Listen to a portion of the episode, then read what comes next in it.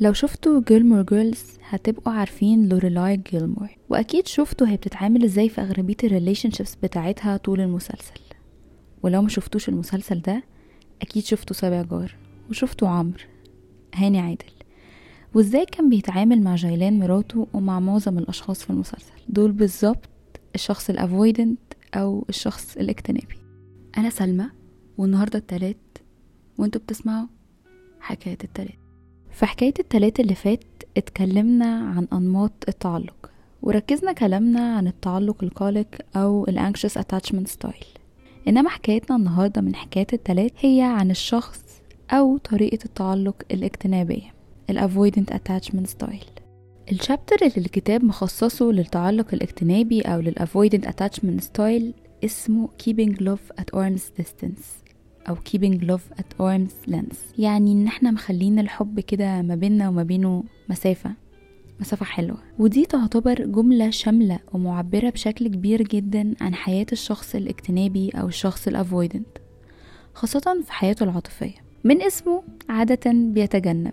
بيتجنب إيه؟ بيتجنب التعبير عن مشاعره للطرف التاني وكمان بيتجنب إنه يصدق إن مشاعره دي حقيقية. ففي غالبية الأحيان بيشوف إن الحل المثالي والأنسب بالنسبة له إن هو يبعد ويمشي ويتجنب مشاعره والمواجهة والعلاقة.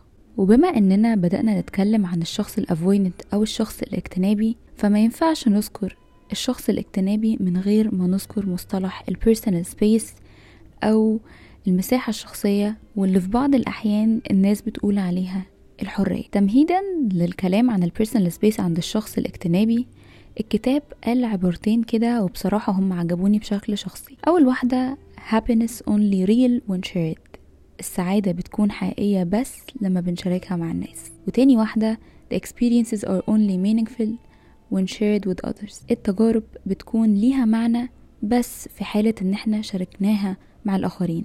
طب إيه تاني من صفات الشخص الاجتنابي أو الشخص الافويدنت الشخص الاجتنابي أو الشخص الافويدنت دايما بيشوف إن الاحتياج أو المشاعر ده ضعف وبيشوف الناس اللي بتعتمد على ال partners بتاعتهم أو بيعتمدوا على شركائهم في الحياة إن هم أشخاص ضعفاء. يعني في حالة يرثى لها من وجهة نظر الشخص ال avoidant والكلام ده مش معناه إن الشخص ال avoidant مش بيحب بالعكس الشخص ال avoidant بيعرف ي connect عادي جدا مع شريكه ولكن زي ما قلنا بيعرف كويس جدا يحافظ على مساحته الشخصية aka الحرية بتاعته. واللي غالبا بتكون مسببة قلق كبير عند الطرف التاني في العلاقة أو عند شريك الشخص الاجتنابي. أصحاب ال avoidant attachment style أو الأشخاص الاجتنابيين عندهم بعض المفاهيم الخاطئة اللي هم بيكونوا مؤمنين بيها في بعض الأحيان. أول مفهوم مفهوم مش مشكلتي. الأشخاص الاجتنابيين دايما بيكونوا شايفين إن مشاعر شركائهم مش مشكلتهم. وإنهم مش مطالبين ومش ملزمين إن هم يساعدوا شركائهم على تحسين مشاعرهم دي. يعني من الآخر شايفين إن المفروض كل طرف فيهم يشيل شيلته وده في معظم الأحيان بيحسس شركاء ال avoidants إن هم مش لاقيين ال emotional support أو الدعم النفسي أو الدعم في المشاعر بشكل كافي جوه العلاقة مع الأشخاص الاجتنابيين. وفكرة إن مش مشكلتي مشاعر الطرف التاني أو مش مشكلتي مشاعر شريكي ده شيء مش صحيح. لأن بمجرد ما إحنا وافقنا على فكرة وجود شريك في حياتنا فإحنا بنوافق إننا هنتقاسم الحياة. لأ حرفيا مش مجازا إحنا هنتقاسم الحياة كلها حلوها ومرها زي ما بيقولوا. وزي ما فعلا ممكن مشاعر شركائنا تكون مش مشكلتنا يعني مش إحنا السبب فيها لكن إن إحنا نساعد شركائنا في تحسين مشاعرهم دي وإن هم يتخطوها لو الموضوع محتاج ده دي مشكلتنا. وفي نفس الوقت تحسين مشاعرنا مشكلة شركائنا. يعني هي دايرة وبتلف. المفهوم التاني الخاطئ عند أصحاب ال avoidant attachment style هو the one أو the phantom X خلوني دلوقتي أترجمه بأن هو الشخص الجامد موت. الأشخاص الاجتنابيين غالبا بيكونوا أكتر ناس مصدقة في فكرة دوان أو الشخص اللي هو. من الآخر يعني. فارس الأحلام بقى عند البنات سندريلا الأمير عند الولاد سموها زي ما تسموها بس في الآخر بتحمل نفس المعنى الشخص اللي هو. انت كشخص avoidant أو شخص اجتنابي غالبا بتكون بتحاول تقنع نفسك بحاجة من الاتنين. يا إما إن في شخص في الماضي أو فرصة ضايعة يعني أنت ضيعتها والشخص ده هو ده الشخص ده one هو ده الشخص اللي أنت كنت المفروض تكمل معاه. هو ده الشخص الوحيد ونحط تحت الوحيد دي مية خط المناسب ليك. أو بتكون بتقنع نفسك إن هانت. خلاص fuck بقى ال current relationship أو العلاقة اللي أنا فيها دلوقتي لأن أنا قربت ألاقي الشخص الصح. فتى أحلامي بقى فتاة أحلامي اللي بجد. اللي أول لما هشوفه وأتعرف عليه مشاكلي هتتحل وهعرف أتواصل في العلاقة وعلاقتي هتنجح. وأي مشكلة كانت عندي في العلاقات اللي قبل كده هتتحل لوحدها من غير شغل مني لمجرد إن هو ده الشخص ال perfect أو الشخص المثالي ليا. وطبعا كل شخص فينا من يوم ما اتولد ومن قبل ما يتولد وهو مكتوب له شخص معين. شخص perfect هو ده الشخص اللي بيكمله. شخص بيرفكتلي بكل معاني الكلمة. ولكن مفيش حاجة اسمها the أو الشخص اللي مفيش منه اتنين. لأن في ناس كتير مش مكتوب لها إن هي تقابل one واحد بس أو إن هي تقابل واحد بس في حياتها. في ناس مكتوب لها تقابل أشخاص مختلفة في مراحل مختلفة من حياتهم. ففكرة إننا نأجل أو نلغي تصليح العلاقة الحالية اللي إحنا فيها على أمل إننا هنرجع للشخص المثالي اللي كان اوريدي في حياتنا فوتناه أو على أمل إن إحنا لسه هنقابل الشخص المثالي أو الشخص الأفضل من الشخص اللي أنا معاه دلوقتي الشريك اللي هيكون بقى هيحل المشاكل كلها وهيجيب من الآخر دي فكرة مش أصح حاجة وهتأثر علينا بشكل سلبي. لأنك كشخص اجتنابي هتفضل عايش على أمل إنك تقابل الشخص ده وإن أنت أول لما تشوفه مشاكلك هتبدأ تتحل وطريقة التواصل بتاعتك بطريقة سحرية ما هت get fixed وهتتصلح وال relationships بتاعتك هتبدأ تنجح وده مفهوم خاطئ لأن مفيش حاجة بتتصلح إلا لما إحنا بنبدأ نشتغل عليها إن هي تتصلح مفيش سحر هيصلح الأمور مفيش شخص هيصلح الأمور إلا لو إحنا سعينا إن إحنا نصلح الأمور من ناحيتنا إحنا طيب يا سلمى أنا طلعت شخص avoidant والمواصفات اللي أنتي قلتيها موجودة فيا أعمل إيه؟ أصلح من نفسي إزاي؟ أولا لو أنت شخص avoidant أنت محتاج تعرف إنك ما عندكش مشكلة عويصة يعني. بالعكس خطوة إنك تفهم نفسك أكتر علشان تصلح من علاقاتك دي خطوة مهمة جدا جدا جدا ومحترمة جدا جدا جدا. فخليني اقولك على الخطوات اللي أنت ممكن تعملها عشان تبدأ تطور من علاقاتك وتفهم نفسك أكتر. الخطوات دي موجودة في الكتاب بس أنا سميتها بأسامي مختلفة علشان نبسط الموضوع. أول خطوة هي خطوة امسك حرامي. أيوه امسك حرام. حاول إن أنت تتعلم تحط إيدك على الأوقات اللي أنت بتبدأ تكون فيها avoidant قوي أو شعورك بإنك شخص اجتنابي بيبدأ يسيطر عليك وبتبدأ تبعد نفسك عن مشاعرك وتبعد نفسك عن الأشخاص اللي أنت بتحبهم. عشان تحاوط أو تحوط وتحافظ على ال personal space بتاعتك وحريتك. تاني خطوة هي خطوة خلي بالك. خلي بالك إن أنت كشخص اجتنابي ممكن تترجم تصرفات شريكك بطريقة غلط.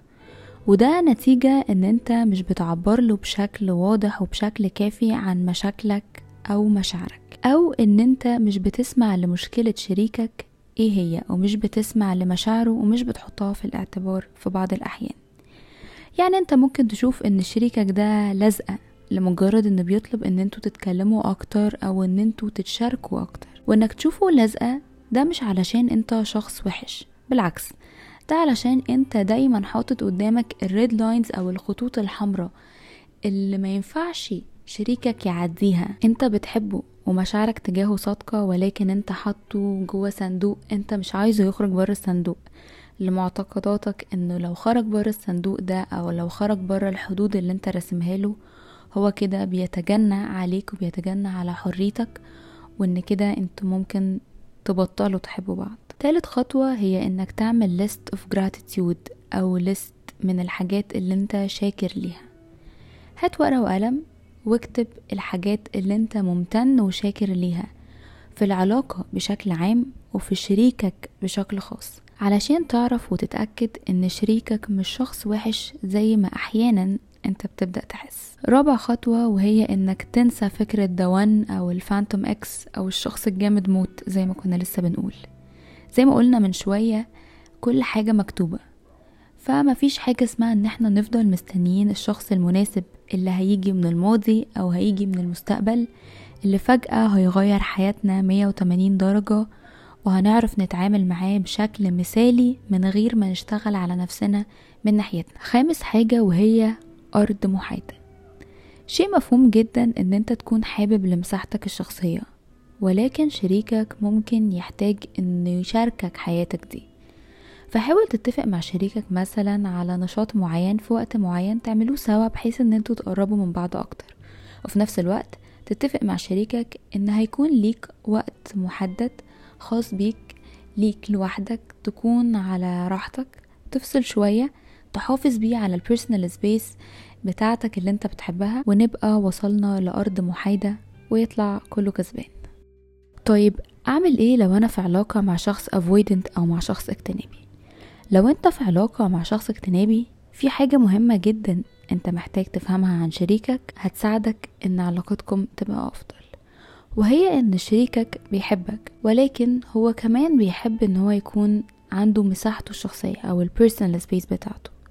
وزي ما لسه كنت بقول لو أنت حاسس إنك محتاج تقرب من شريكك ال avoidant أكتر حاول معاه في إنكم تلاقوا أرض محايدة أو نشاط تعملوه سوا يقربكم من بعض أكتر. ومع الوقت الوضع هيتحسن أكتر بكتير وهتبدأوا تفهموا بعض أكتر. جينا بقى لتالت نوع من أنواع التعلق. ال secure attachment أو التعلق الآمن. طبعا كلنا دلوقتي منتظرين نسمع إن ال secure attachment أو التعلق الآمن الناس اللي بيتعلقوا بالطريقة دي فهم ملايكة نازلين من السماء. وده طبعا شيء مش حقيقي. لأن على قد ما الشخص ال secure أو الشخص الآمن ده هو شخص مسؤول يعتمد عليه تقدر تثق فيه أو زي ما بيقولوا كده trustworthy والدراما في حياته العاطفية قليلة قوي على عكس ال avoidants وال anxious على قد ما هو إنسان زي أي إنسان طبيعي. أكيد عنده عيوب.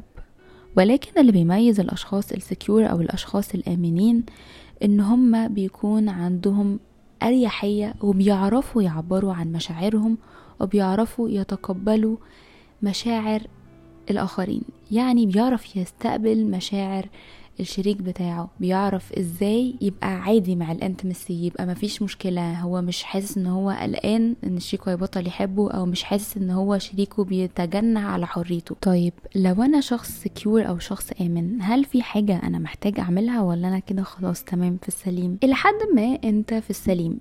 ولكن زي ما قلت في حكاية التلاتة اللي فات إن في ناس كتيرة طريقة تعلقهم أو ال attachment style بتاعتهم بتتغير مع الوقت.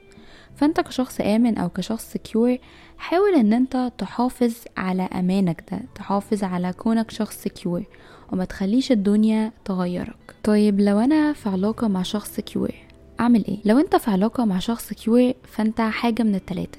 يا إما أنت شخص secure زي اللي أنت في علاقة معاه زي شريكك في الحالة دي أنت وشريكك حاولوا إن أنتوا ما تغيروش ال attachment style بتاعتكم أو طريقة التعلق بتاعكم وما تخلوش الدنيا تأثر عليكم قوي. وفي حالة إن انت اجتنابي أو قلق وشريكك شخص آمن أو شخص secure انت محتاج تقدر إن شريكك secure وهيقدر إن هو يتفهم وجهة نظرك وهيتفهم مشاعرك وهيتفهم تعلقك ده جاي من إيه. ولكن في نفس الوقت ما تضغطش على شريكك وتبقى دايما بتتحجج بفكرة أنا insecure وأنت secure أنا غير آمن وأنت شخص آمن فأنت اللي المفروض عليك الدور الأكبر في ال relation أو في العلاقة. بالعكس أنتوا الاتنين عليكوا نفس الأدوار. أنت عليك دور كبير جدا في إن أنت تبص للشخص اللي قدامك أو تبص لل partner بتاعك وتستفيد منه تاخده ك example للشخص الآمن وتبدأ تحاول إن أنت تقرب من ال attachment style بتاعته أو طريقة التعلق بتاعته plus إن أنت تعمل الحاجات اللي قلناها لو أنت شخص اجتنابي أو لو أنت شخص قلق. بشكل عام كلنا نقدر نكون أشخاص آمنين كلنا نقدر نكون secure آه الموضوع ممكن ياخد وقت ولكن هو حاجة مش مستحيلة وحاجة worth it بجد تستاهل المجهود اللي إحنا هنعمله. مفيش حد فينا 100% perfect. مهما كنا secure وآمنين أكيد هيكون عندنا عيوب. إحنا بشر مش ملايكة كل اللي إحنا بنعمله إن إحنا بنحاول إن إحنا نكون أفضل نسخة من نفسنا لنفسنا الأول ثم للي حوالينا. في النهاية أحب أقول لكم إن ال attachment styles أو طرق التعلق ملهاش علاقة بالجندر ملهاش علاقة بإن الشخص اللي قدامي ده راجل ولا ست. عشان في معلومات خاطئة بتقول الأشخاص القلقين غالبا بيكونوا ستات أو بنات والأشخاص ال avoidant أو الاجتنابيين غالبا بيكونوا رجالة أو ولاد. وده شيء خاطئ لأن في كتير جدا أشخاص قلقين رجالة وولاد في كتير جدا أشخاص اجتنابيين بنات وستات. فالموضوع مش gender based ملوش علاقة بالجندر الموضوع ليه علاقة بال character وليه علاقة بالطفولة بتاعتنا. والحكايتين دولت من حكاية التلات كانوا مجرد محاولة مني إني أشارك معاكم موضوع كنت أول مرة أسمع عنه وفهمت منه حاجات كتير وفهمني حاجات كتير قوي عن نفسي وعن اللي حواليا. أتمنى إن أنتوا تكونوا استفدتوا. أتمنى لكم كل الخير والراحة والهدوء والسلام النفسي وبس كده دي كانت حكاية التلات ده ونتقابل التلات الجاي على خير. لا تنسوا فلسطين وأهل غزة من دعواتكم.